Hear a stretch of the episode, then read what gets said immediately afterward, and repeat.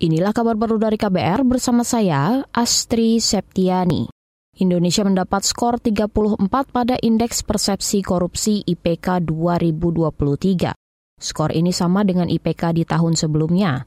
Menurut Deputi Transparansi Internasional Indonesia atau TII Wawan Suyatmiko, skor Indonesia stagnan, bahkan peringkatnya merosot dari 110 di 2022, kini turun ke 115.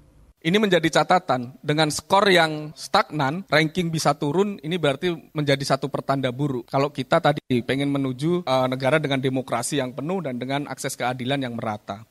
Deputi Transparansi Internasional Indonesia Wawan Suyatmiko menambahkan, Indonesia berada di peringkat ke-115 bersama Ekuador, Malawi, Filipina, Sri Lanka, dan Turki. Negara-negara itu juga mendapat skor IPK 34. Sementara itu, Denmark menjadi negara dengan skor indeks persepsi korupsi tertinggi dengan poin 90. Kabar Pemilu Kabar Pemilu Menteri Sekretaris Negara Pratikno mengakui bertemu dengan Menko Polhukam Mahfud MD di Jakarta malam tadi. Menurut Pratikno, dalam kesempatan itu Mahfud mengajukan permohonan untuk bisa bertemu dengan Presiden Joko Widodo. Meski begitu, Pratikno mengungkapkan Mahfud belum resmi menyampaikan surat pengunduran diri sebagai Menko Polhukam. Sebelumnya, Mahfud MD menyatakan akan mengundurkan diri dari jabatan menteri di waktu yang tepat dan dilakukan secara baik-baik.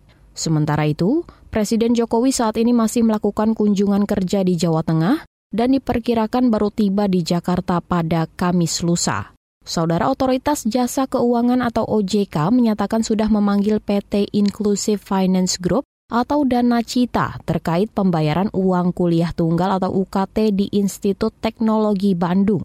Ketua Dewan Komisioner OJK Mahendra Siregar mengatakan, pemanggilan dilakukan untuk mendalami ada tidaknya pelanggaran yang dilakukan dana cita sebagai pelaku pinjaman online atau pinjol.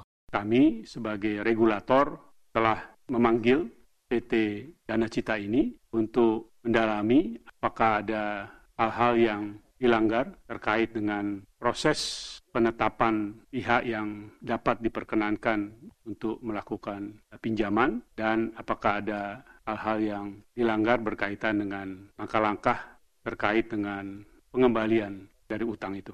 Ketua Dewan Komisioner OJK Mahendra Siregar menambahkan, pengawasan akan terus dilakukan terhadap perguruan tinggi yang memiliki kerjasama dengan pelaku usaha jasa keuangan atau PUJK Terkait sanksi, kata Mahendra, OJK tidak akan masuk dalam wilayah kebijakan ITB. OJK memastikan semua dikembalikan kepada diskresi ITB, apalagi dana cita adalah pinjol yang memiliki izin.